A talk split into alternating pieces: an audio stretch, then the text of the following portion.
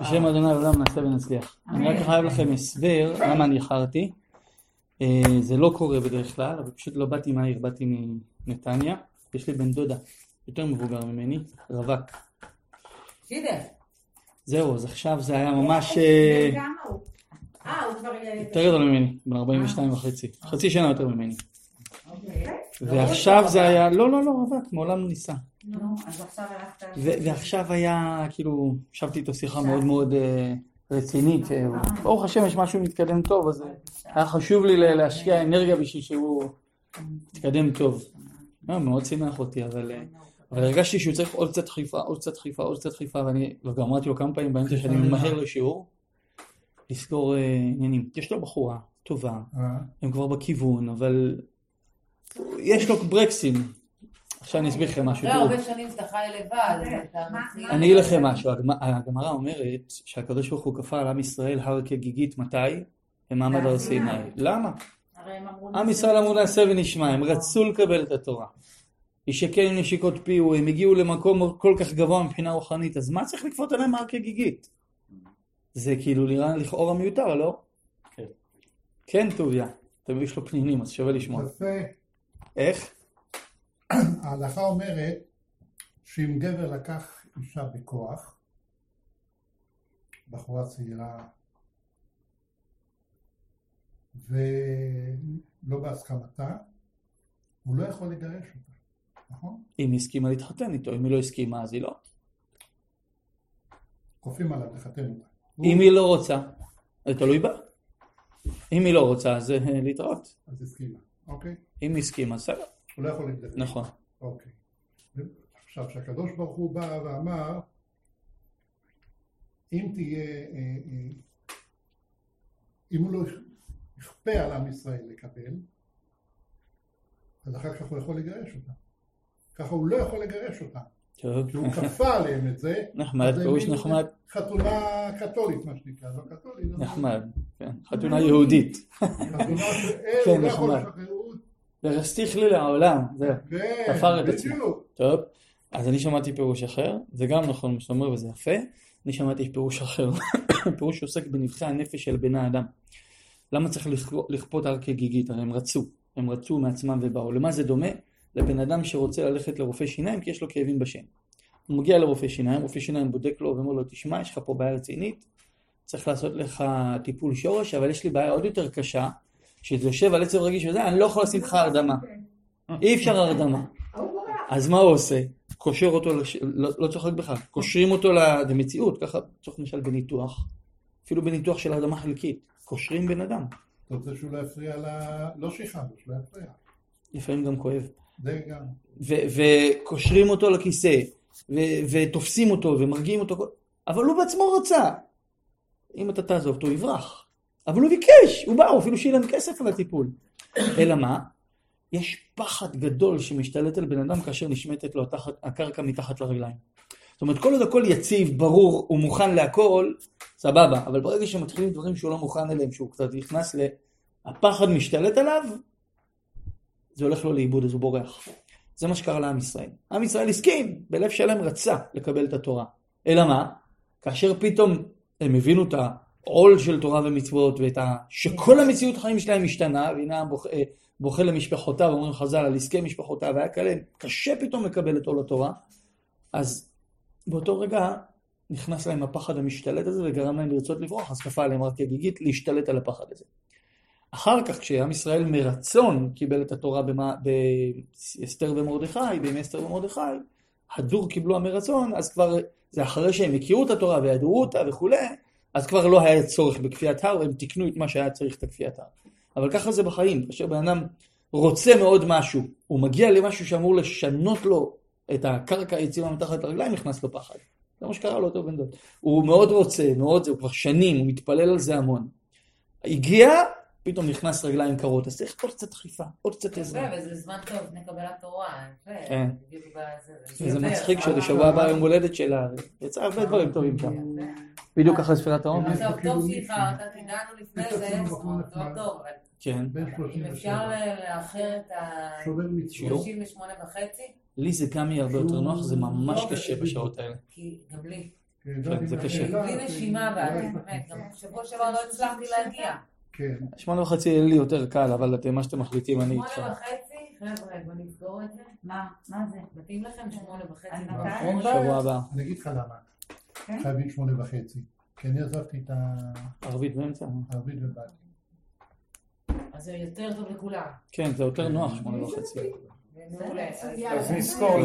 שבוע הבא, שמונה וחצי. אצלנו, ושמונה וחצי. אצלכם, בבית שלכם? כן. אני מתפסת כאילו. אם יהיה ריח לא טוב, תדאגי לי קצת. אם התרנגולות יחליטו ל... יש נערה מאחוריך. יאללה. בקיצור, אנחנו עוסקים בתפילה. ועוד אה, דבר, כן, סליחה, כן, כן, כן. לא שלחת את השיעור הקודם ולא הייתי. נכון. אני אגיד לך למה לא שלחתי אותו, לא הייתי לחוץ כל כך להעלות אותו. כמעט חצי מהשיעור זה היה רק שאלות ותשובות. אה, רבע שעה שיעור סיכום, ורק רבע שעה התקדמנו במעט מאוד. לא היה הפסד גדול. דיברנו קצת על הכוונה, אני אחזור על זה כי אני אוהב תמיד לחזור ולהיכנס לעניינים. שבוע שעבר אנחנו התחלנו להתעסק בהגדרה של אה, דברים המעכבים את התפילה, דיברנו על נטילת ידיים שצריך ידיים טהורות לתפילה, אה, דיברנו על אה, דברים החופזים אותו, זאת אומרת שבן אדם צריך להסיר את המונעים המנטליים והפיזיים, ודיברנו על כוונה. שכוונה זה היה אמור להיות עיקר השיעור, אבל היום זה עיקר השיעור, כוונה. מהי בעצם הכוונה? מה, צר... מה זה בעצם כוונה? כוונה אפשר לחלק אותה, אני לצערי לא הבאתי את הספרים, כי אפילו לא הספקתי להיות בבית. כן. אני אפילו לא הספקתי להיות בבית להביא את הספרים ולהביא את הדפים, אבל ברוך השם בעל פה נגיד. מהי כוונה בתפילה? לתפילה? זהו. בכלל, קודם כל, מה, מה ההגדרה של המושג כוונה? להלכה נפסק מצוות צריכות כוונה.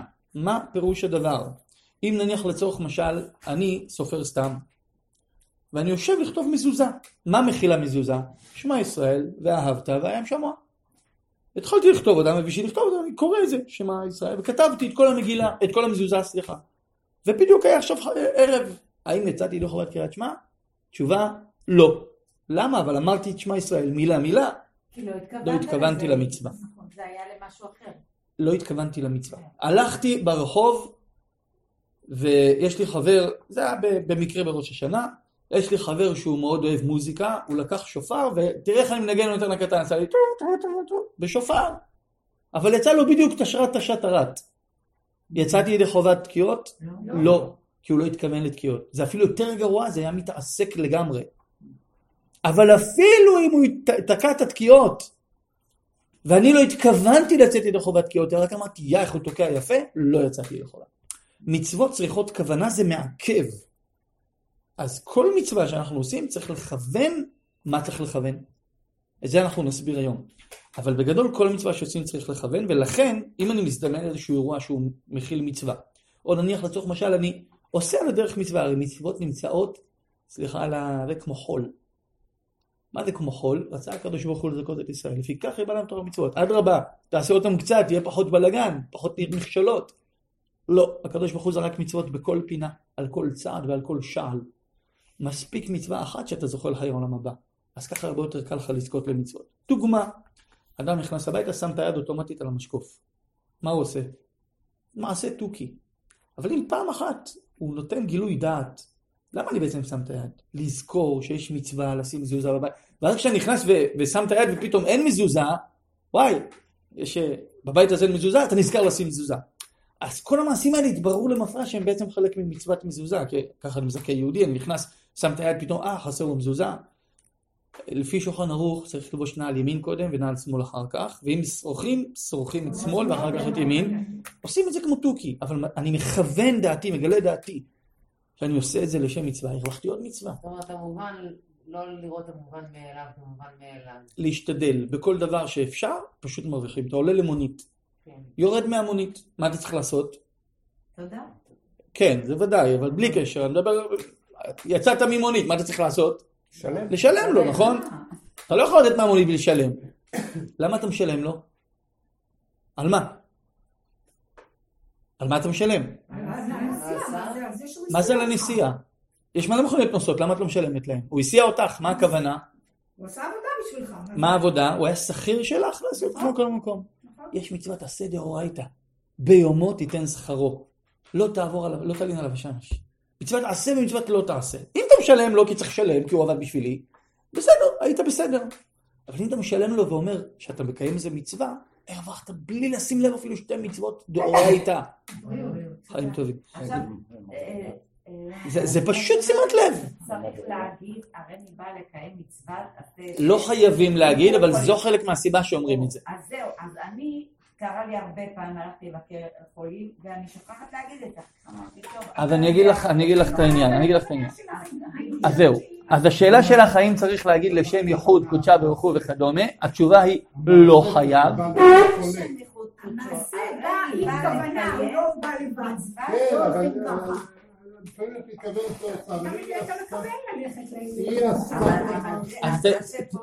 תני לי לענות לך, מלכה, תני לי לענות לך.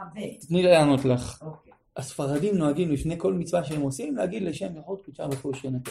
חלק מהמצוות גם אשכנזים נוהגים בזה, כמו ספירת העומר, אשכנזים עושים, הנני מוכן ומזומן לקיים מצוות. למה עושים את זה?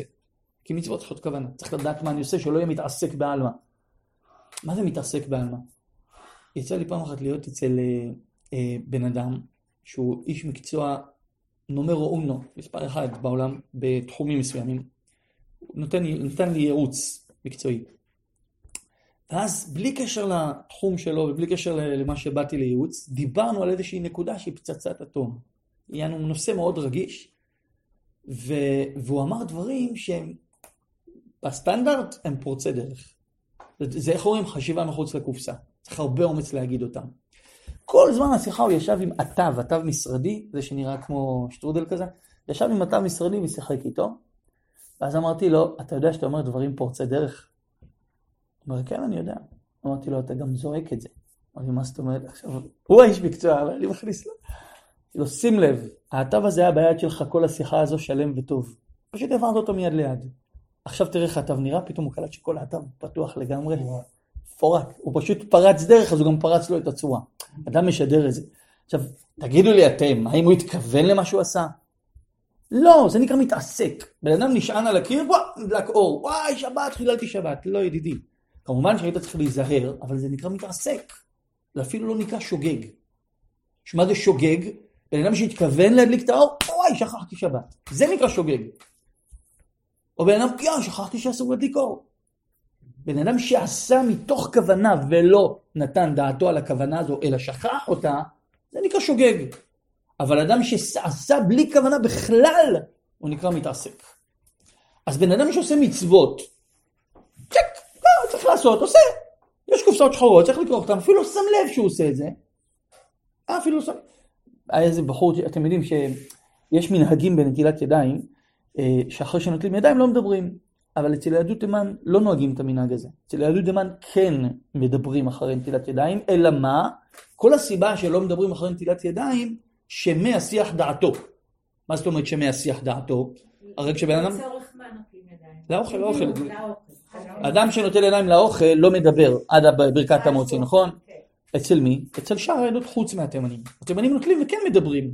כי כל הסיבה שלא מדברים, שמהשיח דעתו. כשאדם מדבר, הוא עסוק בדיבור, הוא לא שם לב מה עושה מהידיים שלו, ידיים עסקניות, הוא יכול לגעת במקומות שפסלו לו את הנטילה וצריך ליטול עוד פעם. אז כמעט כל העדות נוהגות, שאם בן אדם נטל ידיים ודיבר, חוזר ונוטל עוד פעם, בלי ברכה. כן. התימנים לא נוהגים בזה. למה? כי התימנים מיד אחרי הנטילה עושים את התנועה הזאתי, ומחכים ככה עד ברכת המוציא. קושרים את הידיים שלו. כן, ואז לא משנה מה, כמה תדבר, הידיים לא, לא מתעסקות, הן סגורות. עכשיו מה, הייתי פעם באירוע של תימנים, והיה שם בחור צעיר שהחמיר על עצמו לא לדבר. הוא כאילו, "אה", אמרתי לו, עצור, עצור, חזור ליטול ידיים. אומר לי, "אה?" אמרתי לו, אל תעשה, "אה". אתה כאילו יותר צדיק מכולם, אתה לא מדבר, אבל כל הנטילה שלך פסולה מעיקרה. "אה? למה? הוא התעצבן כבר. אמרתי לו, למה אתה לוחץ ידיים לאנשים כשהידיים שלך רטובות והם עוד לא נטלו ידיים? אני לחצתי ידיים, למי? בוא שנייה, מה עשיתם לפני רגע? לחצנו ידיים. אמרתי לו, אתה רואה שאתה לא שם לב. אנחנו נוטלים ידיים, סוגרים אותם, שמים לב על הידיים. הדיבור זה מנהג. אבל אתה כאילו לא מדבר ולא שם לב מה אתה עושה עם הידיים, אז מה עשית בזה? כן. אם נטלת ידיים, אתה צריך שלא ייגעו לך בידיים, מי שלא נטל ידיים. אז אסור לי, לצורך העניין, נניח השקית. של החלה היא בתוך אה, שקית וצריך. לפתוח אותה. אם אני פותחת אותה, מה הבעיה? אז אין בעיה? מה הבעיה בזה? לא, יש דברים, לצורך משל, בן אדם שנגע מתחת לחולצה, בן אדם שגירד בראש, בן אדם שהכניס יד לאוזן, בן אדם שנגע בנעל, בן אדם שנגע בידיים של ילדים קטנים, זה דברים שפוסלים נטילה. זה נתינה בלי ברכה. בלי, בלי ברכה, כן. אז הנה זה לצורך משל, מה שנקרא כוונת הלב. אבל מה הכוונה הזאת מדברת? על זה שאנחנו לא עושים מעשה קוף בעלמא, אלא שאנחנו עושים מעשה של אדם. ההבדל בין אדם לבהמה, זה שלאדם יש דעת. אז אדם שמשים דעתו, זה המינימום הבסיסי הקיומי הראשוני של הגדרת המושג כוונה. הגדרה. וכדאי לכם, הגדרה. מה זה נקרא כוונה? ההגדרה הבסיסית ביותר של כוונה, לשים לב מה אתה עושה. הבסיס. עכשיו, כשאומרים לנו חז"ל, מצוות צריכות כוונה, מה הם מתכוונים? הרי לצורך משל, אם אני יודע שאני הולך לברך עכשיו בורא מיני מזונות, לצורך משל, בסדר? אני יודע שאני הולך לברך, זה נקרא שכיוונתי? במובן מסוים כן, אני יודע שאני הולך לברך. אבל כשאני אומר, בורא מיני מזונות, סתם, מדבר, כאילו חרבש. אומר בורא מיני מזונות, ואני בכלל לא יודע מה אני אומר. זה סינית מבחינתי, צ'רקסית, ואני דובר עברית. האם אני כיוונתי בברכה? או אם אני אומר ברוך ומכוון ייחוד של זה, ויש כוונות שמות אביה וכאלה של הרשש, זה נקרא שאני מכוון? מה זה נקרא מכוון? הבסיס, הבסיס, הבסיס, זה לדעת שאני מברך, לדעת שאני עושה את המצווה. שאני לא בא כמעשה בהמה בעלמא, מעשה קוף. אני מכניס שכל במצווה. מה זה השלב הבא? יש כוונה שאני יודע שאני מקיים מצווה, ויש כוונות נוספות במצווה, ויש כוונות של פירוש במצווה. וכל זה נכנס בהגדרה של כוונה. רגש? זה עוד עניין. זה כבר לא קשור לכוונה, אבל זה עוד עניין. זה קשור לכוונה בצורה עקיפה. כן, אבל אני אסביר את זה עוד מעט. בואו נלך על שני הרובדים הראשונים. הרובד הראשון זה כשאני אה, עושה ויש אה, פירושים, אה, הסברים נוספים לטעמי קיום המצווה. השולחן ערוך כותב, אני מצטער שהדוגמאות שאני נותן זה מעולם הגברים, אבל אה, זה פשוט מה שיותר קרוב אליי. אדם רוצה להניח תפילין, אז הוא צריך לשים לב כשהוא מניח את התפילין של יד, שהם כנגד הלב, ותפילין של ראש כנגד המוח, להכניע את התאוות והמחשבות לעבודתו יתברך.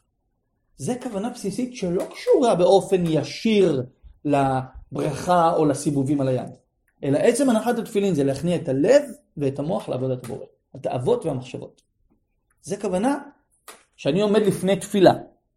בסידורים הספרדיים, לצורך למשל עבודת השם, מופיע שמה לחשוב שהוא מדבר לפני מלך, נמצא בארץ ישראל, בירושלים, בהר הבית, בבית המקדש, בקודש הקודשים, מול הפרוכת.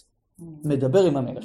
זה כוונה שהיא לא כוונה של הסברים, פירושים, והיא אפילו לא כוונה שאני עושה מצווה, כי אני יודע שאני... אלא מה? זה, כוונה, זה סוג של פוקוס מסוים, של, של ביאור בתוכן המצווה, זה כוונה מסוג אחד. בסדר? אז זה דוגמה במצוות תפילה, מה הכוונה הזאתי?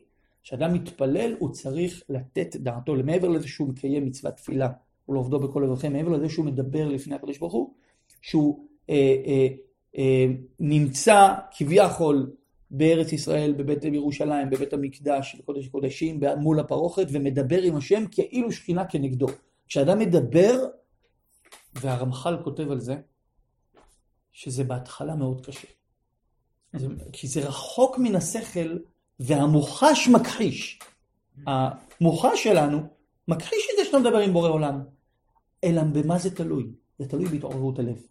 ככל שאתה תבשל יותר את הלב שלך ותכין את עצמך לזה שאתה מדבר לפני מלך, ככל שיותר תעורר כוחות נפש, אתה יותר תהיה קשוב וערני לנקודה הזו. למה זה דומה במושגים של קואוצ'ינג לצורך משל? עזבו קואוצ'ינג, דוגמה מקונצרט, דיברנו על זה. קונצרט, בן אדם שבא לקונצרט, נוחת עליו ולא מכיר לא את היצירות, לא את הסגנון מוזיקה, לא כלום, יכול להיות שהוא אפילו יסבול. אבל אם הוא מכיר את היוצר, מכיר את המוזיקה, מכיר את הכלים, שמע את היצירות בכמה ביצועים שונים, אז הוא גם מתענג על רמת הביצוע. ההכנה מעוררת את הכוונה. וההכנה פה זה לשים לב לקראת מה אתה הולך. זה הכוונה הראשונה, מעבר לזה שאני מקיים מצווה. כל דבר צריך הכנה, אחת כמה וכמה בתפילה. עכשיו פה הרמח"ל כותב לך במפורש שהמוחש מכחיש. את לא שמה לב שאת מדברת עם מלך. מלך העולם שנמצא מולך ושומע כל מילה שלך. זה כדאי מאוד לעורר לפני זה. אם פתאום תיפלו על זה מתוך הרחוב, עכשיו יצאתי מהרפת, יצאתי מהלול, יאללה, השם שפתיי תפתח ופי יגיד תהילתך. מה הסיכוי שאני אצליח לכוון? נמוך מאוד. איך אני יכול לעורר את הכוונה הזו? אז פה הקואוצ'ינג יכול לבוא לכם לעזרה. הרי כשאנחנו רוצים לצורך משל להגיע לאיזושהי אה, סיטואציה מוכנים, אז פשוט עושים קואוצ'ינג. לצורך משל, יש לי חבר שכשהוא למד מילה, אה, בתור מוהל מתחיל, אתה לא כל כך מצליח להגיע לציבור. הרי זה בעיקר מפה לאוזן, זה בשונה מתחומים אחרים. אמנם לי באופן אישי גם האתר מביא עבודה, אבל ודאי שהרוב זה פה לאוזן. מסיבה אחת פשוטה, אנשים יותר סומכים על ההמלצה של חבר, בטח בתחומים שנתפסים בעיני הציבור מאוד רגישים. אז המלצה מאוד חשובה, אבל איך תגיע ללקוח הראשון שימליץ עליך? הרי מספיק, הרי עזבו אותה איך תגיע, הגעת ללקוח הראשון, הבן דוד שלך, אחיך, לא משנה מה. אתה, הנה חינם, אבל אתה מגיע, אתה כולך נרגש, אתה עושה שגיאות של מתחילים, וזה הרושם שאתה משאיר. אז איך, איך פותרים בעיה כזאת? קוראים לזה אימון, אה, דמיון מודרך. אתה פשוט מבצע מאות ואלפי בריתות בדמיון. אתה כל כך מיומן בכל סיטואציה וכל מצב, ואם פתאום הסנדק ירים את היד, ואיך אתה מגיב, ואיך אתה מגיב לזה שמישהו דוחף אותך, ואיך אתה מגיב שפתאום חסר לך כלי כי שכחת להוציא אוטומטי. אתה מתאמן על כל כך הרבה סיטואציות, שכשהן כבר מגיעות, כסף קטן. זה כמו שעושים בצבא המון המון אימונים מפרכים מאוד, והקפצות בלי סוף. למה? קשה באימונים, קל בקרב. מכיר את הביטוי הזה, לא? קשה באימונים, קל בקרב. ככל שאתה יותר מתאמן, מתאמן, מתאמן, איך? יפה, אבל זה לא אמיתי? זה לגמרי. תראי, הקפצה אמיתית של, של מחבלים חדרו לבסיס. מרוב שאתה מיומן אתה כבר, עוד לא התעוררת, אתה כבר עומד בעמדה עם נשק דרוך. אבל אם עד שתיכנס, זה, קשה. אני חייבתי לעצמי, בלי ללמוד קואוצ'ינג, אני למדתי איפור עכשיו, איפור מקצועי לנשים. בלי ללמוד, אני מהסרטונים הסתכלתי, הסתכלתי, אני כבר כל הבלאגנים, כאילו, שהם למקרים שיהיו, אני כבר עשיתי, מה שאתה אומר, את ה... דמיון המודרך. כן. האמת היא שבן אדם שנכנס חזק לתחום שלו, בן אדם שנכנס חזק לתחום שלו, בלתי נמנע שהוא גם יחלום על זה. אני חולמת כל הזמן. זה ככה לגמרי. אני בשנים הראשונות שלי כמוהל הייתי חולם המון בריתות. חולם על זה. כי זה פשוט, אתם יודעים, אתה נכנס לזה בכל ההוואי והישות שלך, עד שזה הופך להיות לך אוטומטי. כשאתה מגיע לברית, צ'ק צ'ק צ'ק, אתה אפילו לא מרגיש שכבר נגמר הברית. הייתי, אני כבר לא נוגע בזה. אני שוחט מדי פעם לעצמי, אבל לא... כבר לא מתעסק. אבל אתה שוחט. כן, בוודאי. אבל שוחט, בודק, אתה מפרק, אתה אומר שאתה מגיע לברית ואתה עושה טק טק טק. מנקר. עדיין יש לך... אתה שמה? לא אני לא אתבייש שאני לא. אומר לך את הילד שלי. לא, איפה? אני אגיד לך משהו, נתתי למועל מתחיל אחד עצה. לפני שבוע שעבר דווקא דיברתי איתו, מעניין. אמרתי לו שהסימן שאתה השתדרגת והגעת לרמות על, זה הסימן שאני זיהיתי אותו. כשאתה רואה שאתה עושה את הברית 5-10 דקות, מסתכל על השעון, עברו 30 שניות. הכל עובר לך בסלואו מושן, אה, זה סימן שאתה עובד כאילו, כי הכל בפוקוס. זה מרוכז מאוד. פוקוס מטורף. ואז אתה, עכשיו, אני יכול לקחת סטופר לבדוק. לא, לבנים שלי אני הייתי גם אוהל וגם סנדק. והחזקתי את הילדים, עשיתי את הברית. אה? הכל, הכל. איך עשית? ברוך השם. מדהים. מיומנות של שנים. עכשיו, אה, עכשיו, זה הבריתות הכי ארוכות שעשיתי בשנים לא, האחרונות, דקה שלמה. אבל זה אבל- בגלל שלא היה לי עזרה בשום ידיים, הכל היה בידיים שלי. לא, אבל לא אומרים למישהו תחזיק את הרגליים, שום דבר, הכל לבד. למה? שעושים ברית אומרים למישהו מה, זה על אז? אני מסביר לך, אני הייתי הסנדק. על הברכיים שלך הכל עליי. הרגליים? ככה, ככה. רגל, יד פה, יד פה, עושה את הברית. עכשיו גם צריך לעשות מציצה. אז לעשות מציצה אני צריך לעזוב את הילד, להרים את הכרית, להרים למציצה, להניח, ואז לחזור עוד הפעם להחזיק, ואז לחבוש. זה לקח לי דקה. דקה. דקה על השעון, ובילד השני דקה וחמש שניות. מה, הוא לא מספיק לבכות, לבכות אפילו. לא הספיקו לבכות. מרוב. מרוב זה אימון- רק דוגמה, כן, מרוב, מרוב שאתה, מרוב אימון. מרוב אימון זה בעצם להיות מעל הכוונה. זה שאתה מגיע, כבר אין כוונה, כי אתה... לא. אז זהו, אז שאלה מעולה, יישר כוח, באמת שאלה מעולה. הוא, הוא הפנה פה נקודה חשובה. הרי מרוב שאתה נכנס לתוך סיטואציות, אז אתה כבר נהיה אוטומטי. אתה בהוויה של זה. אתה אוטומטי. אתה אוטומטי. הרי דברים לא מפרידים אותך, לא מפתיעים אותך, לא כלום, אתה אוטומטי. אז איזה מין כוונה זו? אז התשובה היא, אז זה לא הכוונה. תראה, יש כמה דרגות של כוונה. דרגה ראשונה, זה שאתה יודע שאתה מקיים מצווה. זה הבסיס, בלי זה לא קיימת מצווה. שתדעו, בן אדם שהגיע לתפילה ולא יודע שהוא מתקיים עכשיו מצוות תפילה, ספק גדול אם הוא יצא ידי חובת תפילה. הבסיס, אדם צריך לדעת שהוא עושה מצווה.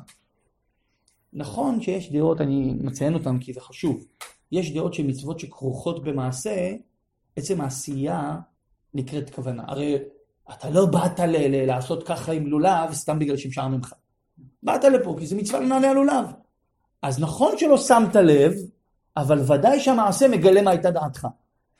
אז יש דעה כזו, וככה פוסק משנה, משנה ברורה לכתחילה, כאילו בדיעבד, אם בן אדם ככה, זה יכול לסמוך על זה. אבל לכתחילה, ודאי שאדם צריך לשים לב מה הוא עושה. אז כוונה ראשונה, אדם שם לב שהוא עושה מצווה. אז מזה כבר נכנס לשלב ראשון בכוונה. כוונה שנייה, כשאתה בא לקיים את התפילה, תשים לב שאתה מתפלל לפני מלך, שים לב שאתה מכוון שאתה נמצא בתוך ירושלים וכדומה. עכשיו, הוא צודק שהדמיון המודרך וכביכול האימון, אימון, אימון יכול לגרום לי להיכנס לרוטינה, אבל זה, זה העבודה בסוג כוונות הנוספות שאנחנו נדבר עליהן. ששם אתה צריך לעורר את עצמך לזה. עכשיו, כשאתה נכנס לבית המקדש, אתמול קראתי סיפור, אתמול, כן, אתמול קראתי סיפור על רב שנפטר לפני 15 שנה, לא, 20 שנה כבר, תשס"א. הוא היה מאוד מאוד מיוחד, בחור צעיר נפטר, פחות מ-40, 39 ו-30 יום. והרב משה לוי, אם שמעתם. מנוחת אהבה, מלווה השם, מלווה השם, תפילה על משה, לא משנה, זה הספרים שלו. קיצור, אז הרב זה היה גאון גדול ומשהו מדהים מאוד, וסיפר מישהו שהיה צמוד אליו 18 שנה, צמוד אליו, ברמה של מסיע אותו לכל מקום, הוא היה נהג שלו. הוא אומר, בגיל 17. מה? כן, הגאון עצום. הרב עובדיה בכה עליו ארבע שעות כשהוא נפטר, רצוף, בלי הפסקה. בכה עליו ארבע שעות, אמר, זה היה צריך להיות היורש שלי. היה לו, הוא היה שנים חולה ב... אה, איך קוראים למחלה הזאת של המעיים של היהודים, נו? קרון, וזה מתפתח לו סרטן המעי. כן. הוא היה רב בישיבת כיסא רחמים. ואשתו של ראש ישיבת כיסא רחמים, הרב מזוז, גם כן נפטרה מאותו דבר. היה לה קרון והתפתח לו סרטן המעי. איך מקבלים? באותו שנה, חודש אחרי חודש, אחד אחרי השני. משהו נוראי. קיצור, לגופו של עניין, הרב משה לוי, הנהג שלו מספר שכשהיה נוסע איתו, בפעם הראשונה שהוא נסע איתו הוא, הוא הופתע. כאילו לטובה. בפעם השנייה שהוא נסע איתו הוא התפעל. אומר, ומפעם לפעם, תגידו, שנים אני מתרגל על הבן אדם, מפעם לפעם אני יותר ויותר הרגשתי גמד ליד הענק. אני פשוט נבהלתי מהאדם הזה יותר ויותר מיום ליום. אומר משפט מאוד מאוד מפורסם וידוע על כביכול הקדוש ברוך הוא, אילו ידעתיו הייטיב. תכלית הידיעה שלא נדע, שנדע שאנחנו לא יודעים בעצם. תכלית הידיעה. ככל שאדם יודע יותר, הוא מבין שהוא יודע פחות. אז בעצם הידיעה, זה גם סימן שהוא צומח. נכון, זה בדיוק הסימן שהוא צומח.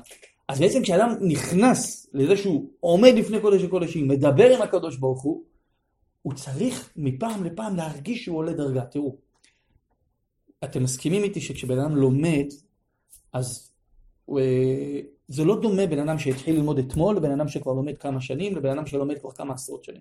ככל שאדם יותר משתמש בכלי השכל שלו, הוא מחדד אותם והופך להיות הרבה יותר מיומן בהם. ככה בדיוק צריך להיות בעבודת התפילה. עבודת התפילה זה לא שהגעתי לדרגה שאני מתפלל, וזהו. עבודת התפילה צריכה להיות תפילה שאני עולה מדרגה לדרגה. ממש עולה מדרגה לדרגה. אם אני לא מרגיש שאני עולה מדרגה לדרגה, אז כנראה שאני לא עובד נכון. כי עבודת התפילה היא מתפתחת, היא חייבת להיות כזו. אם התפילה שלי היום הייתה כמו אתמול, אבל אני עוד מעט אסייג את דבריי, אני רק מסביר את הרעיון. אם התפילה שלי היום הייתה כמו שהייתה אתמול או כמו לפני שנה, כנראה שטעיתי איפשהו בדרך. צריך לעשות בדק בית ולתקן. עכשיו אני מסייג את דבריי, זה מסוכן מה שאמרתי. חשבון נפש זה לא איפה אני היום, איפה אני אתמול. אם אדם חושב שחשבון נפש זה איפה אני היום, איפה הייתי אתמול, טוב, לא התקדמתי או נסוגתי, זה לא נקרא חשבון נפש. מה, מה באמת נקרא חשבון נפש? איפה הייתי אתמול, איפה אני היום, האם עשיתי את מה שאני צריך בדרך.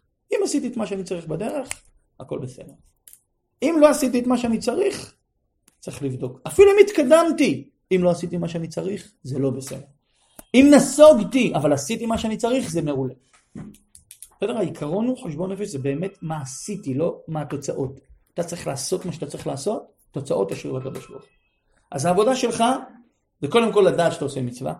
דבר שני, להיכנס לזה שאתה מתפלל לפני מלך מדבר עם השכינה. אז אומר לנו המח"ל, המוחש מכחיש, ולכן אנחנו לא נרגיש את זה. אז צריך הרבה הכנת הלב. הרבה בישול, שכשאתה תגיע לסיטואציה, ישר תשים את השם מול עיניך. ודרך אגב, יש לזה גם עוד פטנט בקואוצ'ינג, קוראים לזה עוגנים. לא יודע מה השם הלועזי של זה, אבל עוגנים. עוגנים זה שיטה שעוזרת לאדם ליצור מצבי רוח רצוניים. יש לנו. יש איזה חוק כזה מאוד מפורסם בעולם, בעולם כוחות הנפש שנקרא חוק פרטו, 80-20. לצורך משל, 80% מהאנרגיה אתה משקיע על 20% מהתוצאות.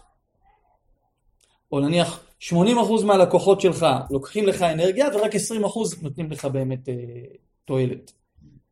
כל דבר, אם אתה מסתכל על זה בעצם בחיים שלנו, 80% אנחנו יכולים לשים אותו בלא רצוני ו-20% ברצוני, אנחנו צריכים לדעת לסנן. חוק פרטו, מאוד מפורסם וידוע. מי שקצת מתעסק בתורות הנפש יכול לזהות את זה מהר מאוד וזה מאוד מצוי הדבר הזה.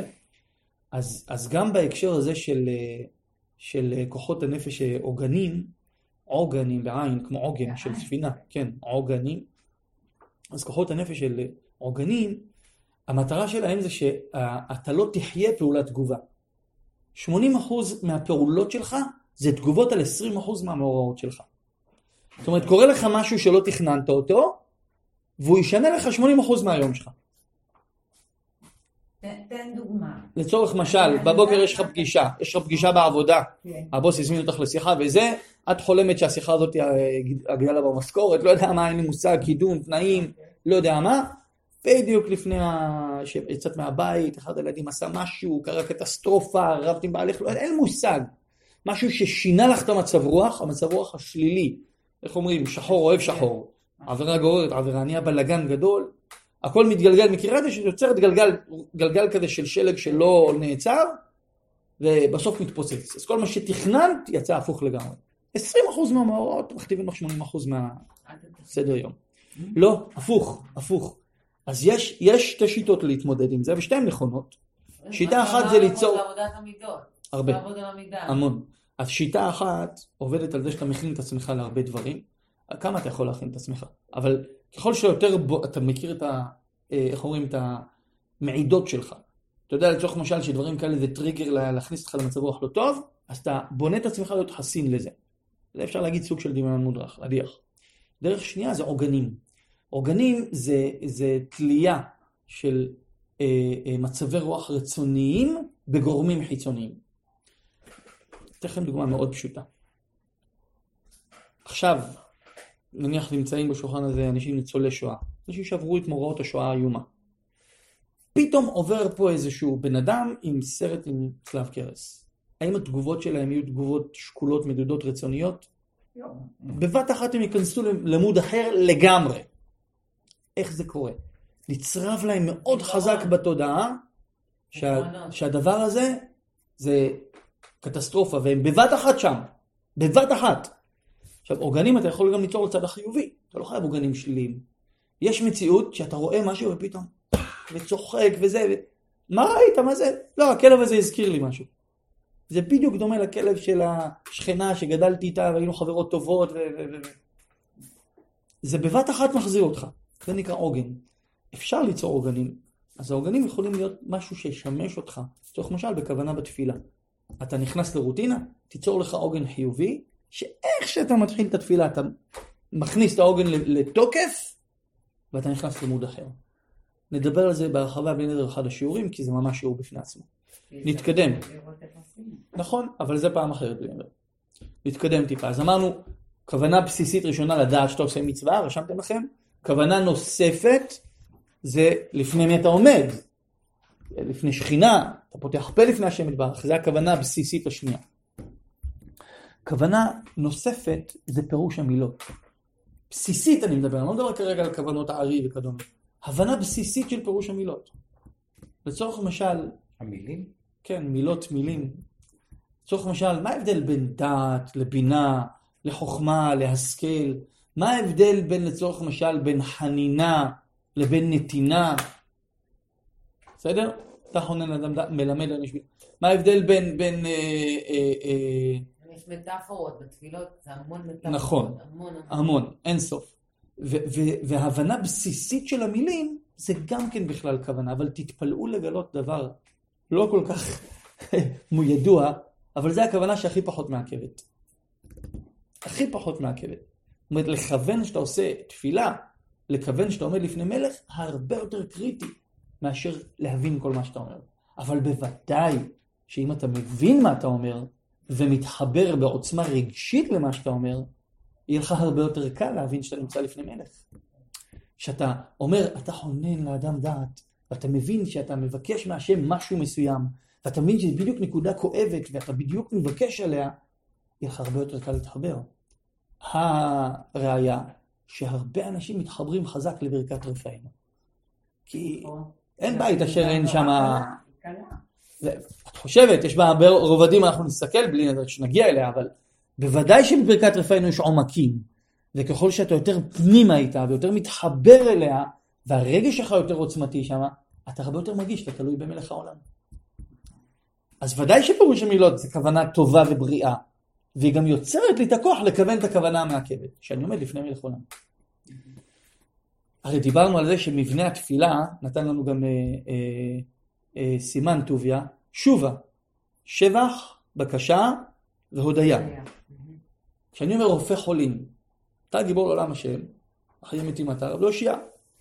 מוריד הטל, מכלכל החיים בחסד, החיים מתים רחמים רבים, סומך נופלים ורופא חולים. כשאני אומר רופא חולים, האם אני מתכוון על זה שיש לי חולה בבית? לא, כלל עם ישראל, לא? גם רפאנו זה בלשון רבים, זה על כלל עם ישראל. מה ההבדל בין רופא חולים פה לבין רפאנו השם ונרפא? אני חוזר, כלל, שובה. מה ההבדל בין רופא חולים פה לבין רפאנו השם ונרפא? הרי אני פה אומר אתה רופא חולים, מה אני אומר? משבח פה את השם. יפה. פה זה שבח ופה זה בקשה. האם שייך בשעה שאני משבח את השם לפנות אליו בתחנון? לא. שבח זה בפני עצמו, בקשה זה בפני עצמה. אז מה אני צריך לכוון כשיש לי חולה בבית ואני אומר רופא חולים? אני צריך לה... לא, לבקש זה ברפאנו. לא לבקש, זה לא בקשה, זה שבח.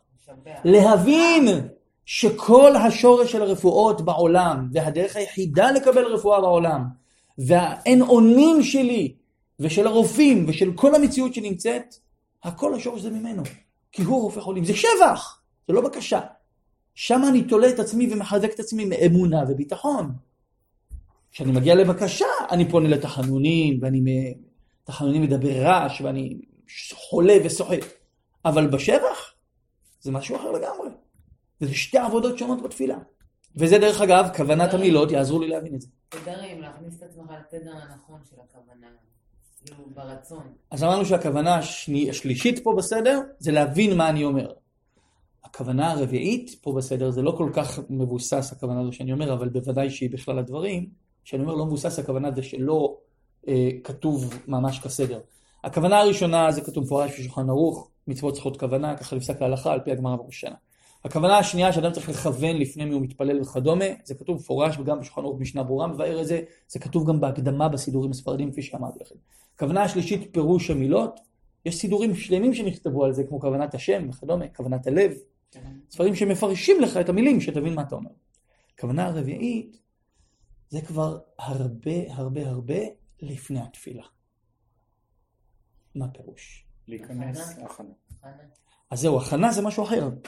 אני מדבר על כוונה.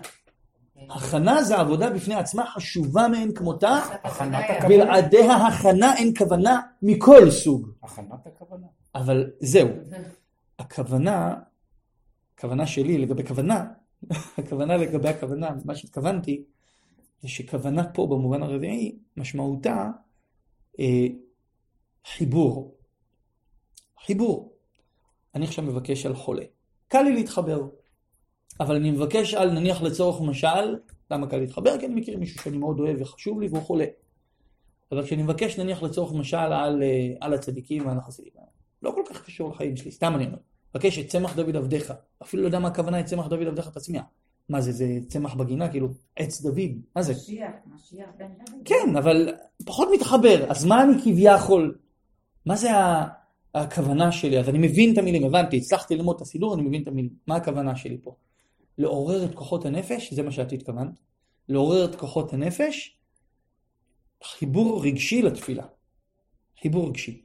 עכשיו, גם פירוש המילות וגם החיבור הרגשי לא יכולים לקרות מעצמם. כמה שאני ארצה וכמה שאני אהיה ילד טוב, ירושלים, זה לא יקרה בלי הכנה. זה הרבה יותר דומה לקונצרט מאשר כל דבר אחר ממה שדיברנו עד עכשיו. אם אני בא לקונצרט ואני לא מכין את עצמי ליהנות מהמוזיקה, אני לא ייהנה מהמוזיקה.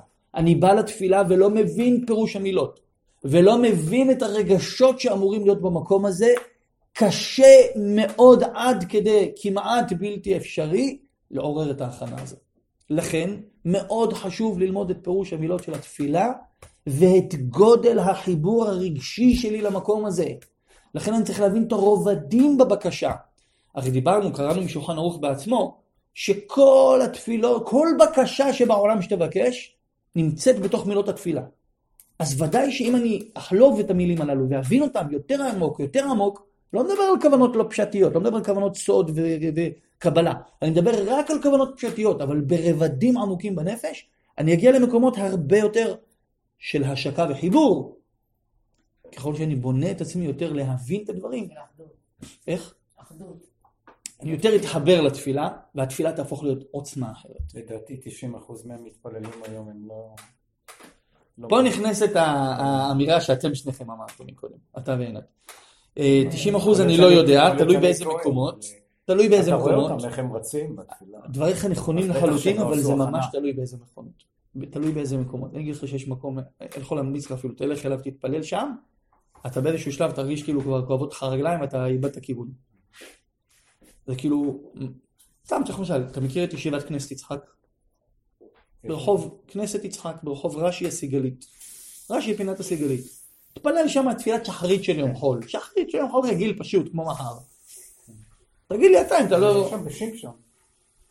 זה לא, זה, בשמשון. מה, זה- מה זה בשמשון? מה אתה מתכוון? אתה נכנס מבן צבי, פונה ימינה לרש"י, בפינה שם, איפה אתה רואה את לרש"י. האוטובוס? אתה בא משמאל, שמאלה, שמאלה לרש"י. אז מצד ימין שלך ישיבה. כן, אבל ישיבה זה ענקית. איפה של שלמה, לא? איזה שלמה? שלמה גר שם. איזה שלמה? ה- הכולל ש... שלמה, איך קוראים לו? איינרמן? אה, לא, לא, מרינגר. מרינגר. שלמה מרינגר? מרינגר, לא מכיר? לא, הוא מגיע לפה להעביר שיעורים? כן, הוא גם מכיר שיעורים פה בימי... אה, כן. שלמה מרינגר? מרינגר. מהקהילה ב... הוא לא- הוא גר בבן צבי, לא. בבן צבי שם, ליד ה... לא רחוק מהרמזור, ממש לא רחוק. אה, בבן צבי. אז אני לא מדבר על בן צבי, לא, לא מדבר על בן לא, צבי. אתה מתכוון יותר טיפה פנימה. אתה בא מפה. כן, פונה שמאלה. נכון. נכון. מיד ב-. כן, היה, כבר לא שם. אבל כן, בפינה שם. הוא עבר דירה. כן. מעניין איך זה. מה זה? לא, זה אחר. גם כשאני חצי אמהרית זה קשה. עשיתי בריתות שם, אני לא יודע מה. אה, אז- אז בוא בוא נחזור שנייה לעניין. אז אה, לגבי- ההכנה, זה הנקודה שהם שניהם אה, דיברו עליה, עינת ו... אברהם. הכנה זה הנקודה האחרונה. זהו, לא בדיוק. הכנה זה, זה נקודה ראשונה, אפילו הייתי אומר.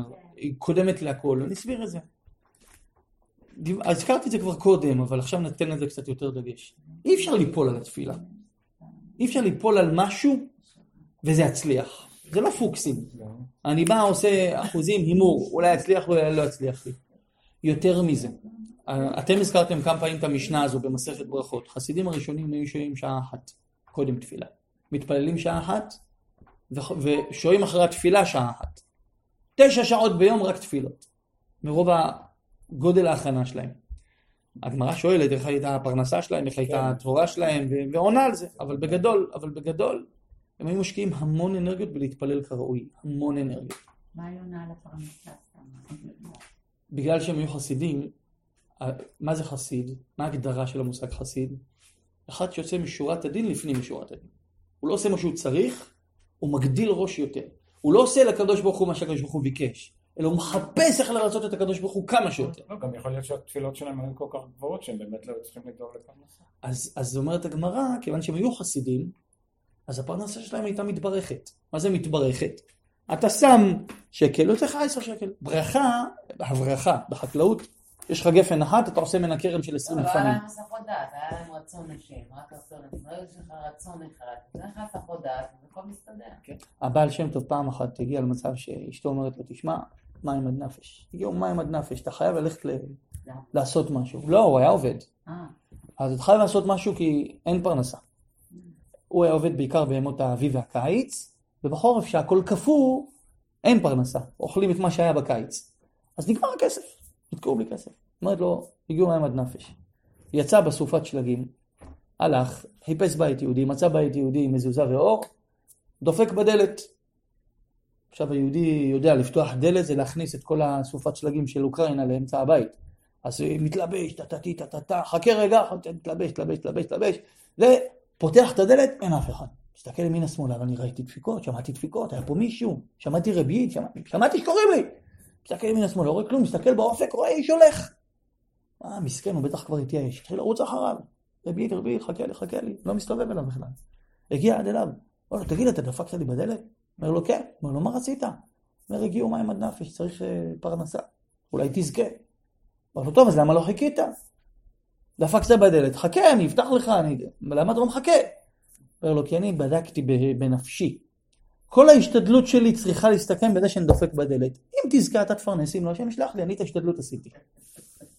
אז זה דרגות. אומרת הגמרא, מרוב שהם היו חסידים, פרנסתם הייתה מתברכת. עושים קצת ומקבלים הרבה. יש לך גפן, אתה רוצה עוד גפן, איך אתה עושה? הברכה. מה זה הברכה? לוקח ענף אחד, תוקע אותו באדמה, מוציא אותו מהצד השני, פעם יהיה לך שני גפנים. זה נקרא ברכה. ברכה, משמעותה לקחת זה ברוך. ברוך, מה זה ברוך? מקור הברכות והשפע. מה זה מקור הברכות והשפע?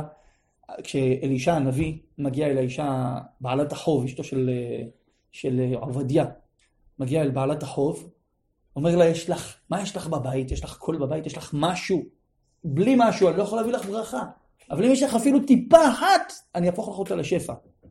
לה, כי אם הסוך שמן, מה זה הסוך שמן? אומרת הגמרא, טיפת שמן שראויה לזרת של רגל של תינוק בן יומו. יעני זה כלום שבכלום. אמר לה, אין בעיה, זה מספיק לי, העיקר שיש על מה לחול. הזוהר הקדוש אומר שאם היה על מה לחול, אפשר למשוך מזה אינסוף.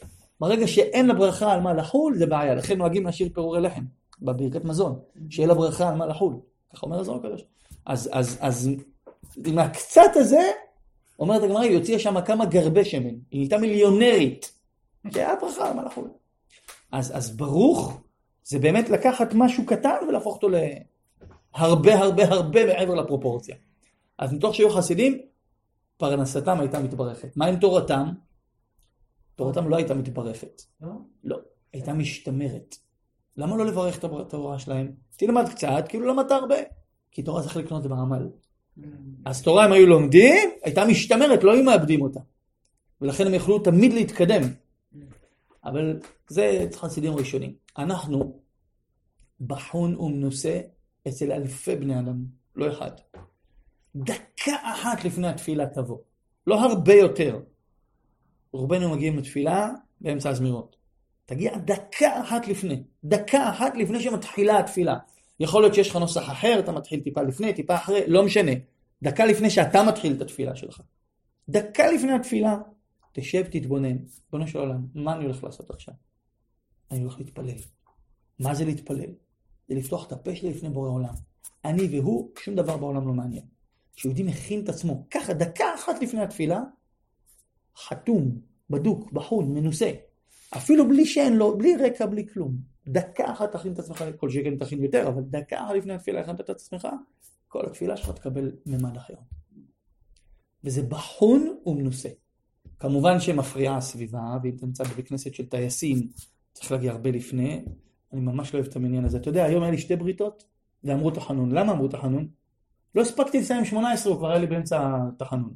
סיימתי 18, הסתובבתי אל הגבאי, אמרתי לו, מגיע לכם. אומר לי, מה? אמרתי לו, יש לי היום שתי בריתות, אתם תגידו תחנון.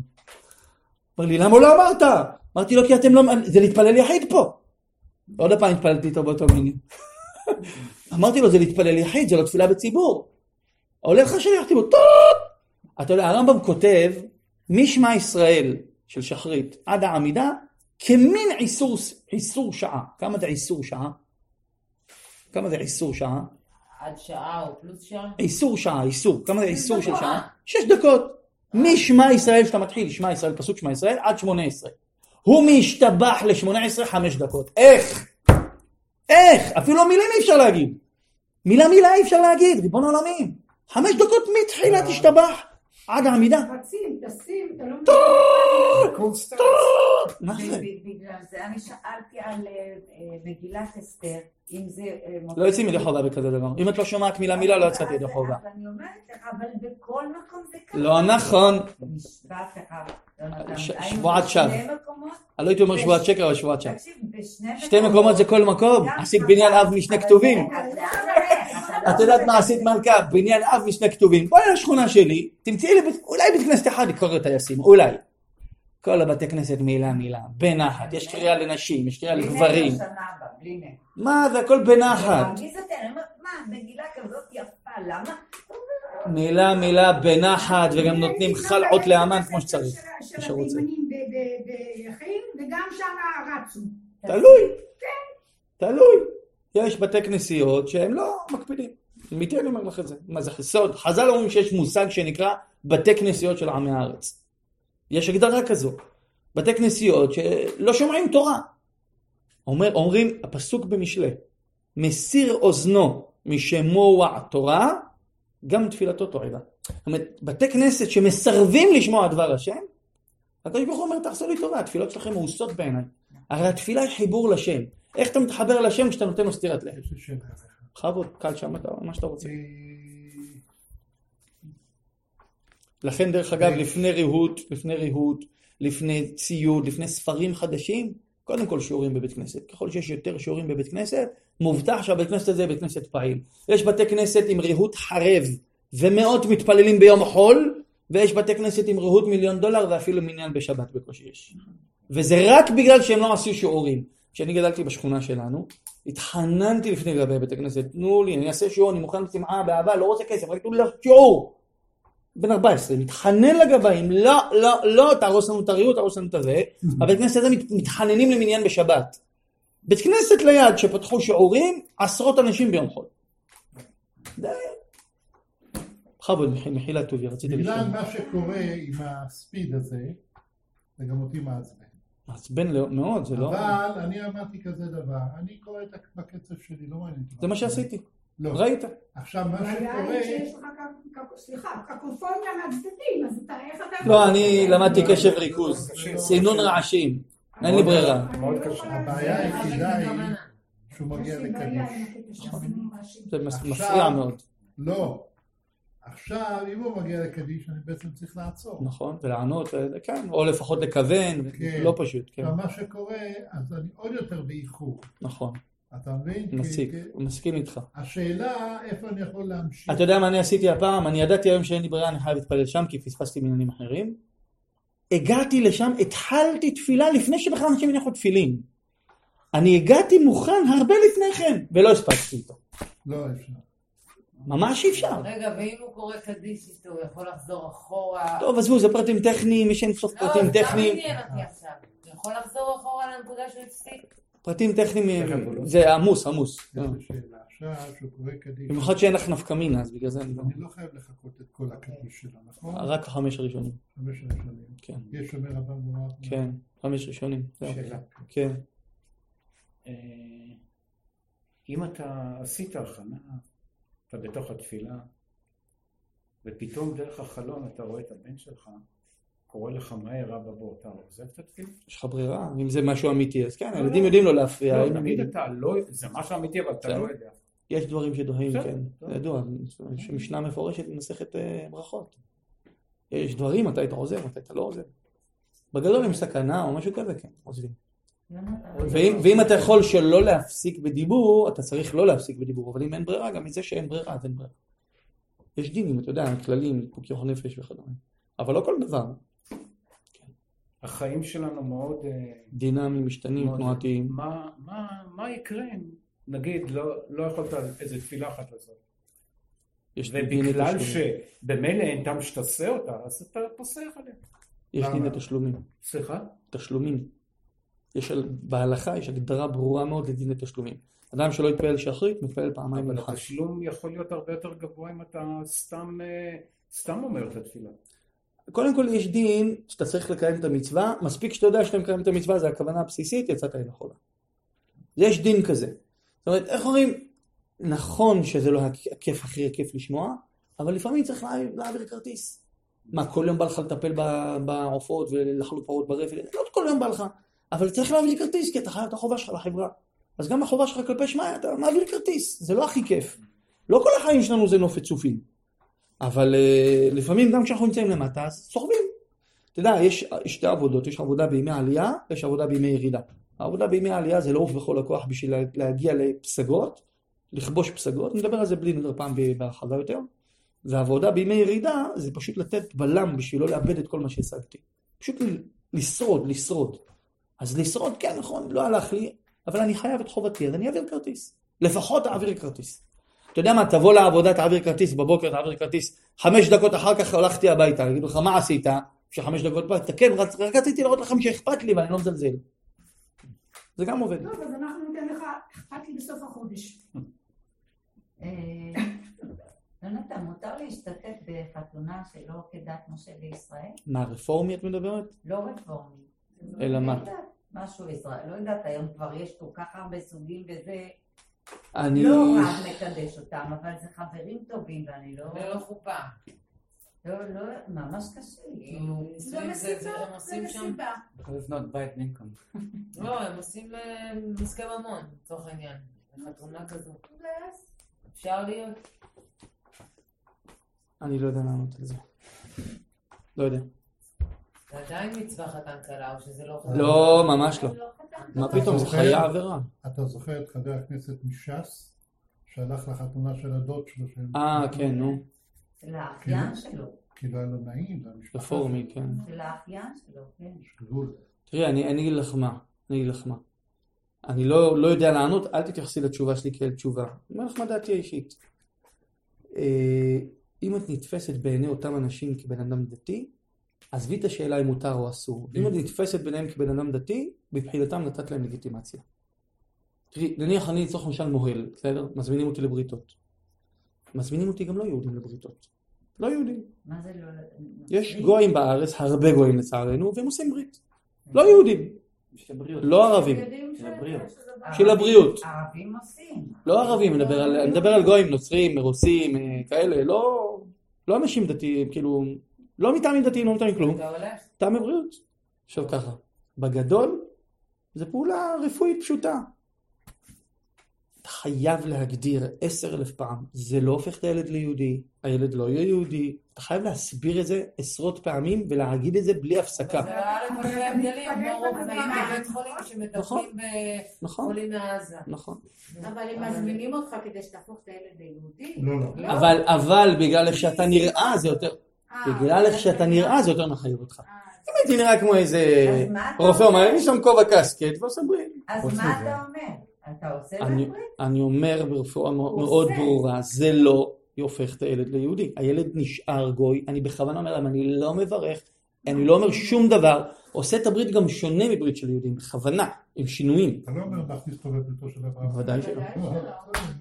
כן, אבל צריך. אני מדגיש את זה כל הזמן. אתה מבין? שלא יהיה מישהו שיגיד. פעם הזמינו אותי לברית במסעדה לא כשרה.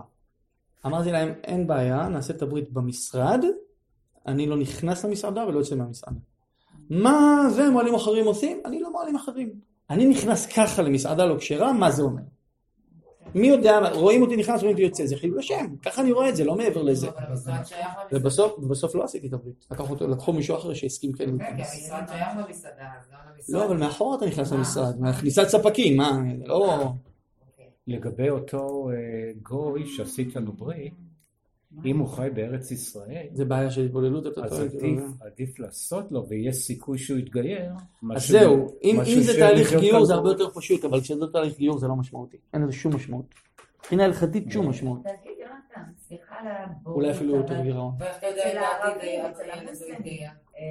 מי, יש להם, אין להם שם מוהל, מי עושה את הבריתות? יש מוהלים בטח ערבים, יש- קורסים למילות שמוהלים יהודים מלמדים ערבים איך למול. באמת? כן, בטח. אני אפילו הייתי פעם בקורס כזה. של איך מוהלים יהודי? פה באיזה מושב, אה, יש פה איזשהו מושב עם מכללה, פה באזור, ב... כן, במנשה, אתם מנשה, נכון? אף פעם לא שמעתי את זה. אה, רופין, איפה זה? אה, אה, לא. גבעת, חביבה. גבעת חביבה. יש שם מכללה, שם יש קורס? בגבעת חביבה, כן. יש שם מכללה, יש שם קורס למוהלים ערבים. באמת. מי מעביר אותו? חבר שלי, מוהל. מוהל יהודי כשר, שמה לה אבל כהלכה, אורתודוקסי, עם זקן ופאות. מה ההסמכה שלנו? מה, אצלנו זה הוא צריך להיות רב, לא? לא. לא רב. לא. אטיאס הוא רב, קוראים לו, לא, לא, סליחה, אוקיי, מוהל. אבל לא כל- לא? המוהלים הם מוהל באמת.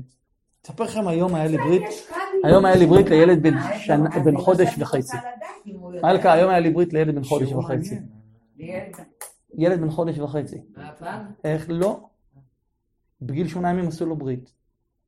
פצעו אותו בלי שום תועלת ושום טעם. היה ברית עם ברכות, ערל דאורייתא.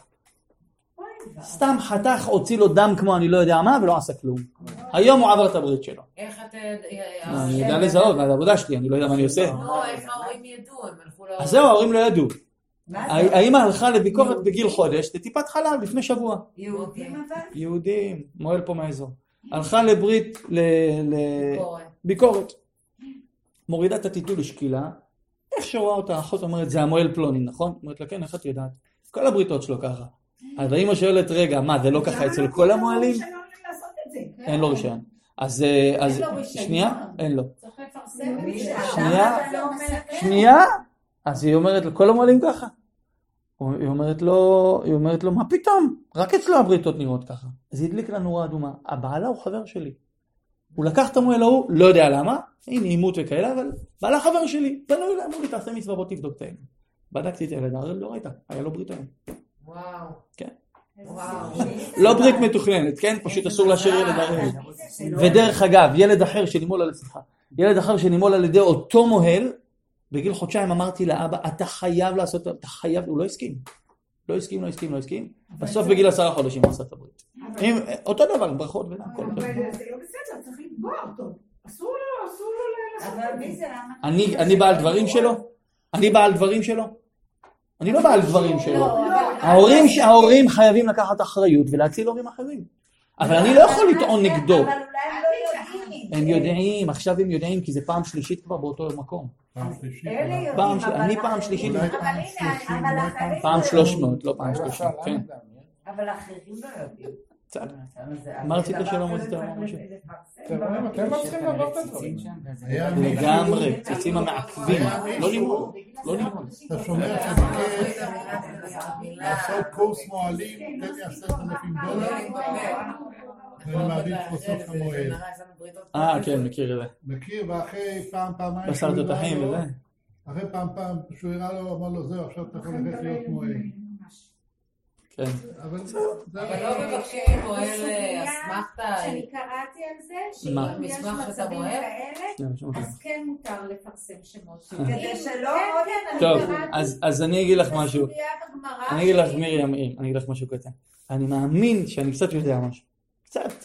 אני חושב שאני מכיר את הפרטים ההלכתיים והרלוונטיים, ואני יודע מה אני עושה. אני לעצמי פוסק לי שאני לא רוצה להגיד את השם. באמת? כן.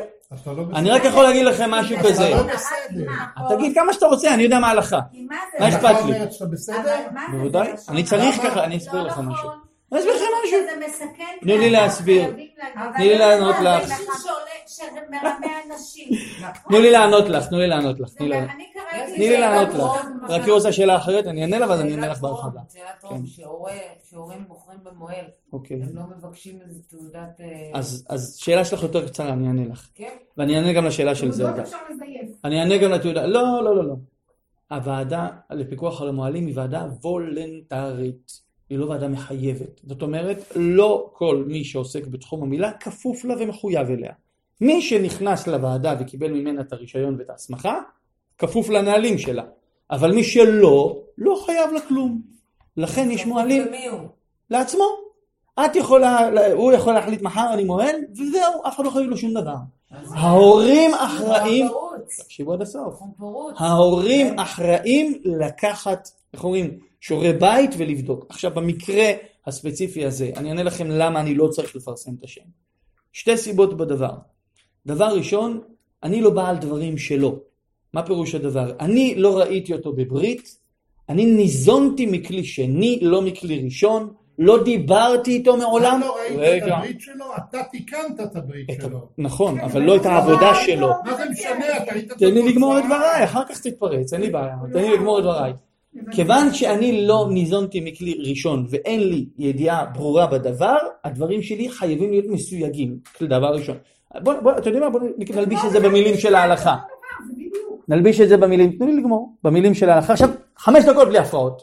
דיני תועלת, לממש הגדרה של תועלת, לממש, למנוע נזק, תועלת מסופר, אה, השקטת מחלוקת, לימוד משגיאות. אז למנוע נזק זה ודאי, אז אנחנו נכנסנו לגדרי תועלת. אחרי שנכנסנו לגדרי תועלת צריך לעמוד בשבעה תנאים.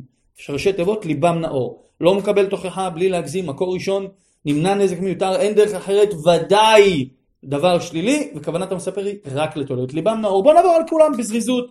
למד לא מקבל תוכחה, מעולם לא דיברתי עם האדם, לכן לא רלוונטי שאני אפרסם את שמו. א', בלי להגזים, אני מספר את הנתונים, אין בזה בעיה, זה לא נקרא להגזים, אני ודאי אספר דברים רלוונטיים ומדויקים.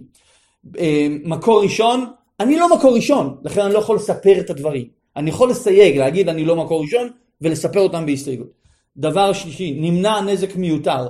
אם יהיה מישהו שיקום ויעשה איתו חשבון, אסור לי לספר. זה לא החשש, לכן זה לא, לא סעיף רלוונטי. אין דרך אחרת, זה הסעיף הכי רלוונטי פה נחזור אליו. ודאי דבר שלילי לכולי עלמא זה דבר שלילי, זה ברור שלהזיק לילדים בלי שום תועלת, לא במצווה, ברכות לבטלה זה ודאי דבר שלילי.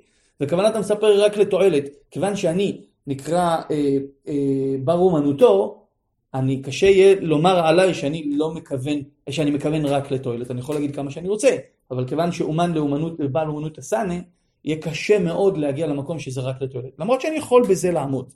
הדבר העיקרי פה, לא מקבל תוכחה ואין דרך אחרת.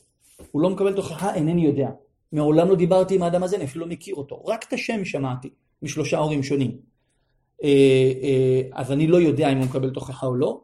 אם אני רוצה לפרסם את השם שלו, קודם כל אני צריך לדבר איתו. לא עשיתי זה, לכן אסור לפרסם את השם שלו. זה הלכה פסוקה, אין מה להתווכח.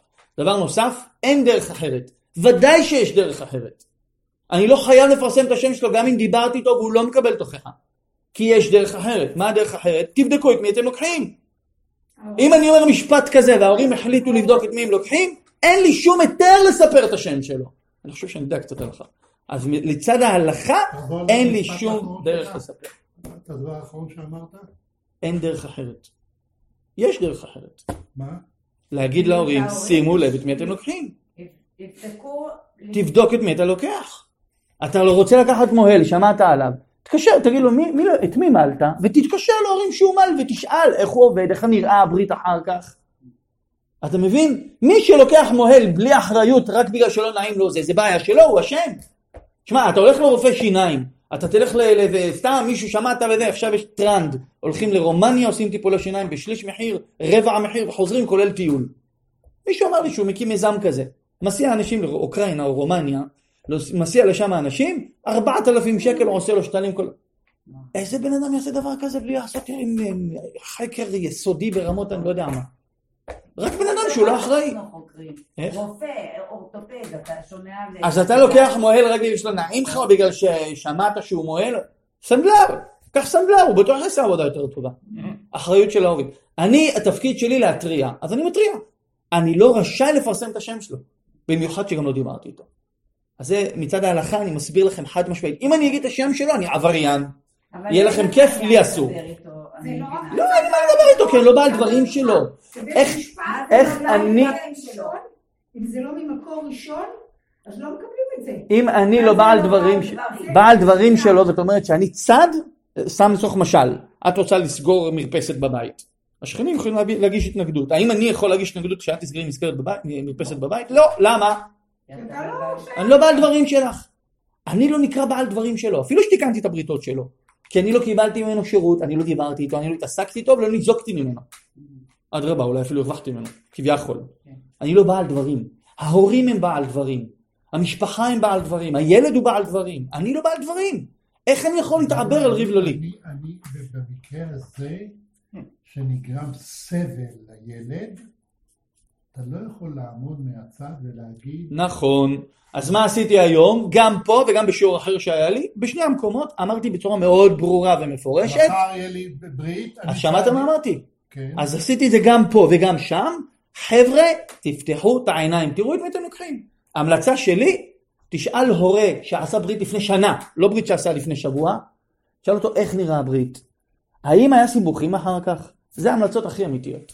כי אתה הרי לא מבין במקצוע, אתה לא יודע מה יפה לא יפה, שר יפה וישאיר לך ילד עם נזק, מה זה שווה? זה לא כמו לראות אה, התעללות לא עלינו ו- ולא להתערב. אז, אז זה בדיוק אותו דבר, אלא אם כן, אני לא ראיתי את ההתעללות, את מבינה? זה כן. רגע, שמעתי סיפור שמורה הרביצה לילדה, מותר לי לצאת לפרסם עליה עכשיו? מותר לי? אז אני ראיתי ילד עם סימנים כחולים, האבא שלו אמר לי, אני נשבע לך שהמורה הזה עשה לו, אני יכול לפרסם את המורה? מותר לי? אבל זה מקרה... איסור גמור, איסור דאורייתא, זה הוצאת שם רע במקרה הטוב. אני לא מתווכחת, אבל אני אומרת... אז אני לא יכול, זה מצטער. כל זה הכבוד. משהו אחר, כי אתה, אתה, אתה, סליחה. כמו ללכת לרופא. נו. זה ללכת לרופא שעשה ניתוח, זה אותו דבר, אני נותנת דוגמה ממש. מקבילה, והרופא, ואתה הולך לרופא אחר, והוא רואה שהרופא לא עשה את הניתוח. אתה, אתה במקצוע, אתה אוקיי. רואה שלא עשית את זה כהלכה. עכשיו, פה אין הרבה... אז אני אספר לך פה אין סיפור הרבה אחר. סטייה, נכון? צריך או שאתה עושה לעשות למעול או שלא. לפני נכון? שנה יש לי אתר מוהלים חזק מאוד, מופיע כמעט בכל מילים שקשורות למוהל, תוצאה ראשונה בגוגל. לפני שנה קיבלתי טלפון מרמלה. או בלוד, לא זוכר, או רמלה או לוד. מתקשרים אליי, אתה יכול לעשות לנו מצווה, לבדוק לנו את הילד, משהו לא נראה לנו טוב. מה הסיפור? אתמול הייתה לנו ברית, הילד לא מפסיק לבכות, אמ, לא נראה לי טוב. אמרתי להם, תשמעו חבר'ה, אני גר קצת רחוק, מה הבעיה שהמוהל יבוא? המוהל יצא לחופשה, הוא לא מוכן לבוא. אמרתי להם, מה זאת אומרת? הוא השאיר את הילד ככה, ואמר לנו, בעיה שלכם, אני בחופשה. לא מוכן לראות את הילד. ממש כעסתי. אמרתי, זה הפקרות. אמרתי להם, תשלחו לי תמונה. אני אראה תמונה בוואטסאפ, נראה את התמונה. על פי התמונה אני יודע אם יש לחץ או שההורים בלחץ. ראיתי תמונה, ממש נראה לא טוב. עכשיו, אני עד שאני אסע לשם, שעה וחצי עם פקקים, עניינים, הקפצתי חבר שגר חמש דקות משם. הוא אומר לי, באתי לשם, ראיתי, תקשיבו, אל, אל תיבהלו עכשיו מה שאני אומר, עבר על סף נמק. פתחתי את התחבושת, הילד הביא שתי דקות וחצי, כמעט עד התקרה. עכשיו, בניסי ניסים הוא הצליח להציל לו את העבר, אבל אם הוא היה מחכה עוד כמה שעות, אה, פשוט היה נושרת לו העטרה, חצי מהעבר נופל. עכשיו, מקרה כזה, מה עשיתי? תקשיבו מה עשיתי. מקרה כזה. קפצתי על המוהל חזק מאוד. ההורים לא הסכימו לתת לי את השם של המוהל. טחנתי אותם, אמרתי להם, תקשיבו, אני לא אעשה לו שום נזק, שום כלום, אבל אני חייב לדבר עם הבן אדם הזה, הוא פושע. התקשרתי, הוא ניתק לי בפנים. אמרתי לו, אתה חצוף, אתה גם פושע וגם חצוף. ניתק לי בפנים. פעם ראשונה דיברתי איתו יפה, וזה, אומר לי, מי אתה בכלל? מה אתה מתערב? מה אתה זה? בסוף ניתק לי, לא יודע, לא מכיר אותו. בסוף ניתק לי בפנים. הלכתי ופניתי לסמכות על בנושאים הללו. אמרו לי בצורה הכי ברורה, הכי ברורה. אתה לא יכול לעשות שום דבר חוץ מלהתלכלך. אם ההורים לא רוצים לעשות משהו, אין לך שום אפשרות. לכן תעשה לעצמך טובה ותמנע מעצמך את הסכסוך הזה. זה בדיוק מה שאני אומר לכם פה. הרי אני לא צד בדבר, הרי מה יגידו? אם אתה תשמע... במקרה שלך הם קראו לך לתקן. נכון. ומה, הם חושבים אבל- שהוא- שהוא בסדר המועד? אז אני צריך להגיד להם שהם חייבים לעשות משהו.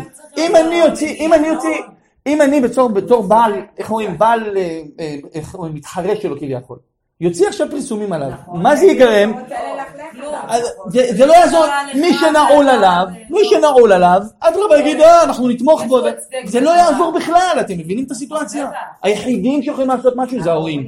אני יכול דבר אחד לעשות, להתרות באנשים, תבדקו את מי אתם לוקחים. אבל. אם אתה היית נוכח... איך הגענו לזה בכלל מכוונות בתפילה? אם אתה? היית נוכח בברית זה מילה... כוונות בתפילה. רגע, אם אתה היית נוכח בברית מילה, והיית רואה מועל אחר, בברית מילה בתור אורח. הייתי נכנס בו. אני אגיד לך שהיה ברית של... הנה, אז הנה, היא שאלה אם הייתי נוכח וראיתי. יש לי חבר, מטעמים הוא הוא התנצל אלף פעמים, מטעמים ממש בלתי נגמרים של אי נעימות מול המשפחה, הוא נאלץ לקחת מ- מוהל אחר. הוא ממש ביקש ממני אלף פעמים מחילה, והוא התחנן אליי שאני אבוא לברית. למה הוא סומך עליי, עשה גיבוי.